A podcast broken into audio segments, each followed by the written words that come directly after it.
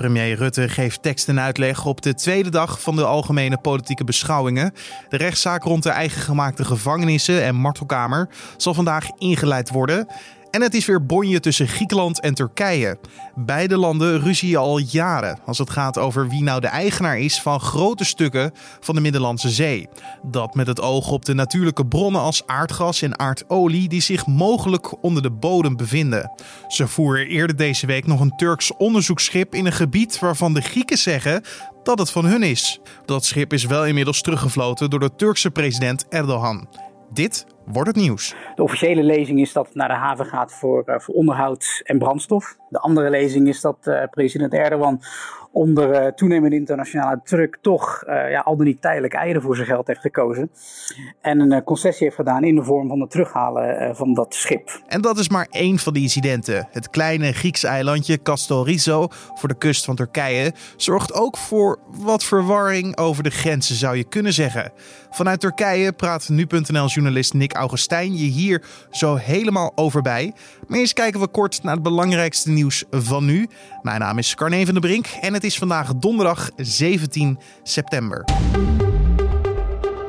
Terwijl in de Tweede Kamer de eerste dag van de algemene politieke beschouwingen in volle gang waren, kwam het grootste nieuws vanuit buiten het parlement. De verslechterde coronacijfers zorgen ervoor dat het kabinet vrijdag nieuwe maatregelen moet aankondigen. Maar de Kamer kon woensdag nog niet debatteren met het kabinet. PvdA-leider Lodewijk Asscher vroeg premier Mark Rutte om een brief met de laatste stand van zaken voordat de tweede dag van de algemene beschouwingen vandaag begint.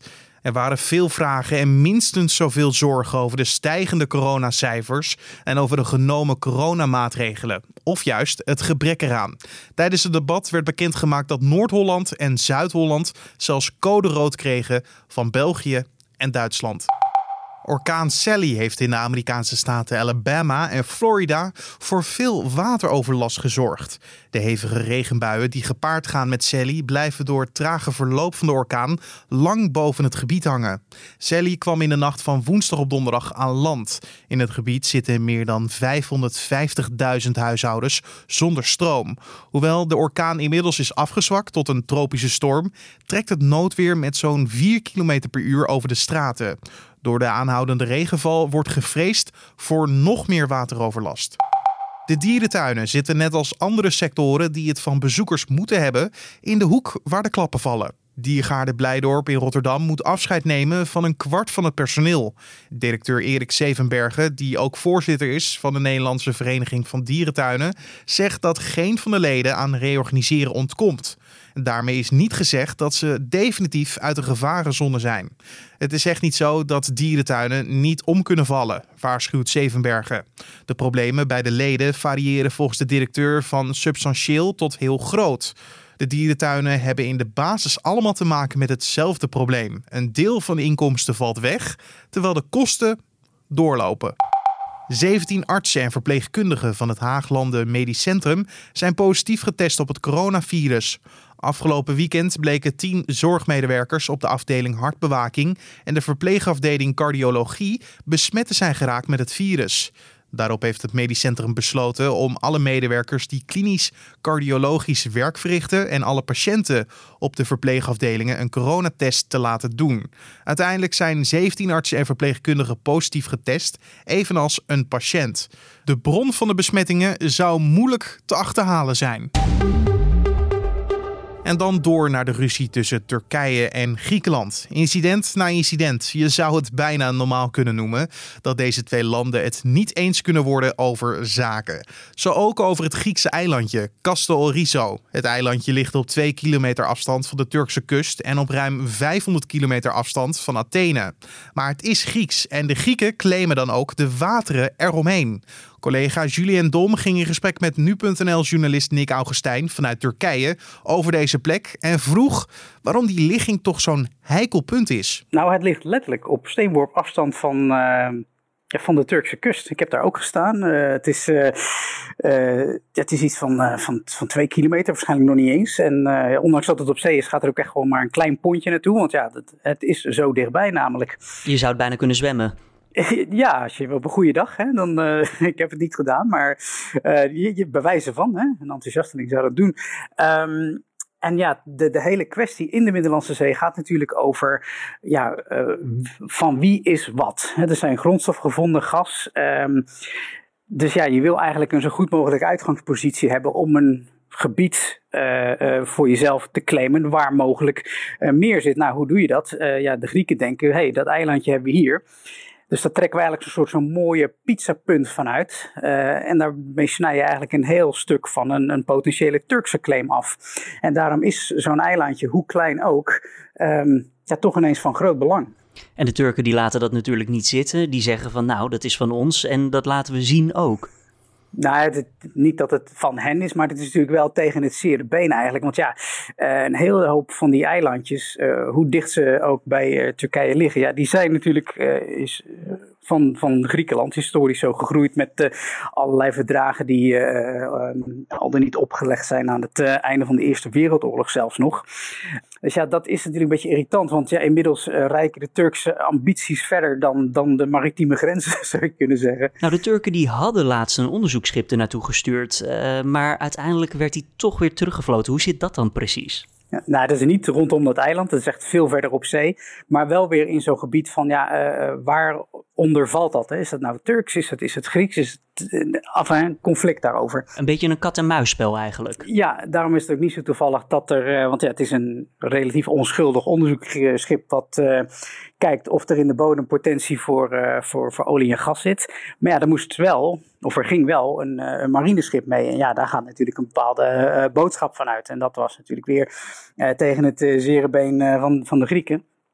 Um, dat schip gaat nu terug. Um, de officiële lezing is dat het naar de haven gaat voor, uh, voor onderhoud en brandstof. De andere lezing is dat uh, president Erdogan onder uh, toenemende internationale druk toch ja, al dan niet tijdelijk eieren voor zijn geld heeft gekozen. En een concessie heeft gedaan in de vorm van het terughalen van dat schip. Die reden van Turkije klinkt een beetje als iets om gezichtsverlies te voorkomen.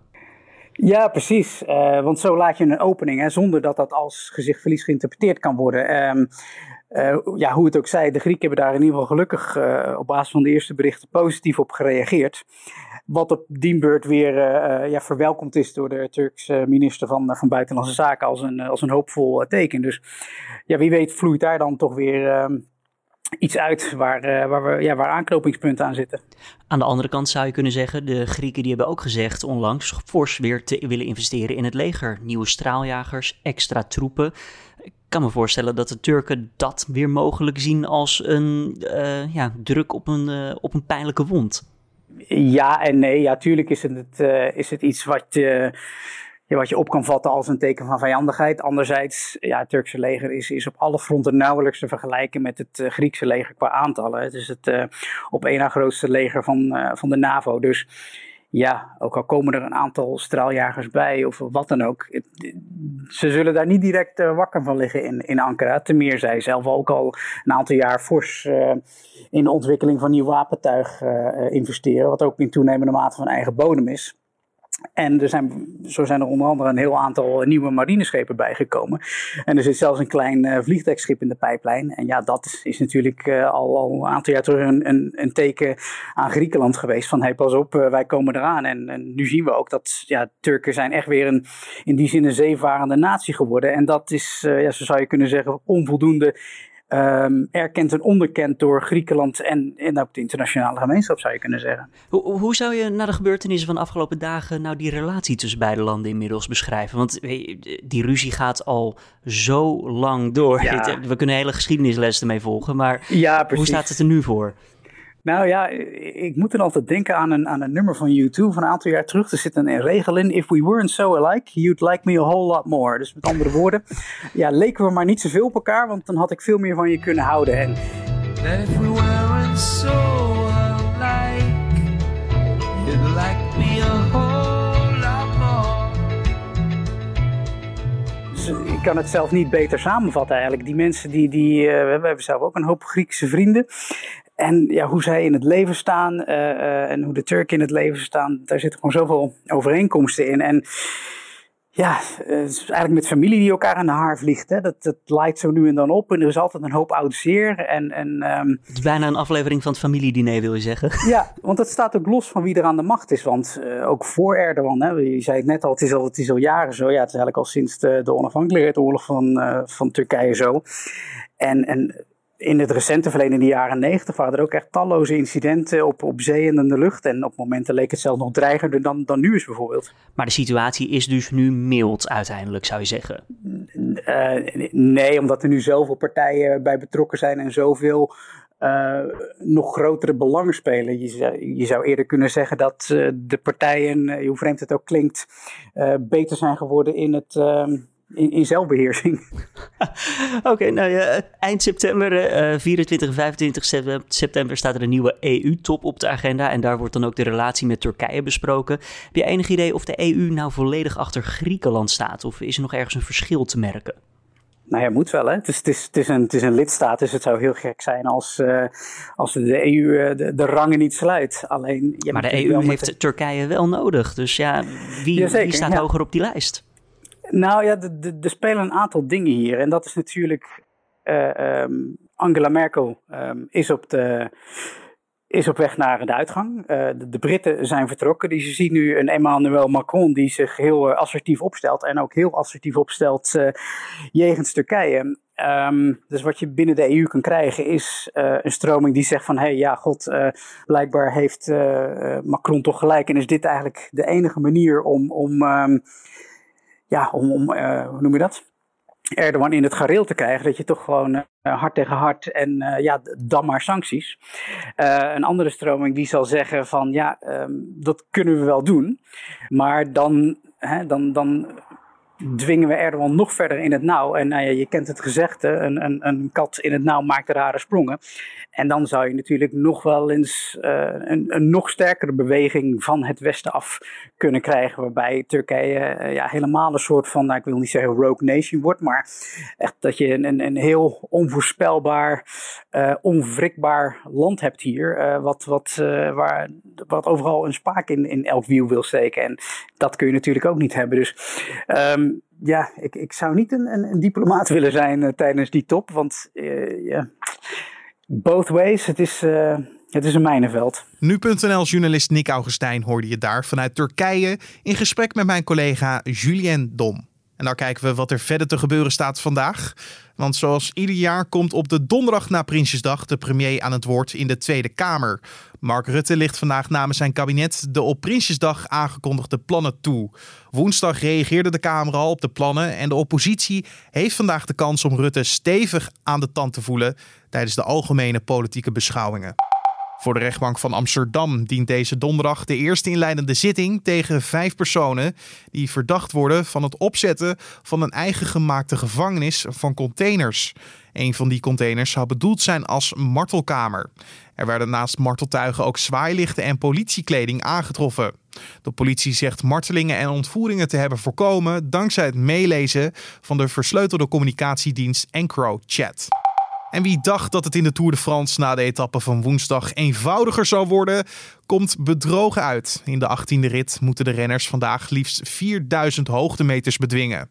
Onderweg staan vier beklimmingen op het programma, maar de finish ligt nu niet bergop, maar na een afdaling. Het is voor de concurrenten van gele truidrager Primoz Roglic de voorlaatste kans om hem aan te vallen. Want zaterdag is er nog een klimtijdrit, maar op vrijdag en zondag zijn er nagenoeg vlakke etappes. En dan het weer. De zon schijnt deze donderdag volop. Met temperaturen van 18 tot 22 graden wordt het een stuk minder warm dan de afgelopen dagen. Er waait een matige tot vrij krachtige noordoostenwind, die vrijdag ook blijft doorwaaien. Ook die dag krijgt de zon volop ruimte en stijgen de temperaturen tot een graad of 22. En om af te sluiten nog even dit. Opgelet alle gamers van Nederland. De PlayStation 5 komt namelijk op 19 november uit in ons land. Dat heeft Sony woensdagavond bekendgemaakt tijdens de lancering van de spelcomputer. Ook is de prijs van de PlayStation 5 onthuld.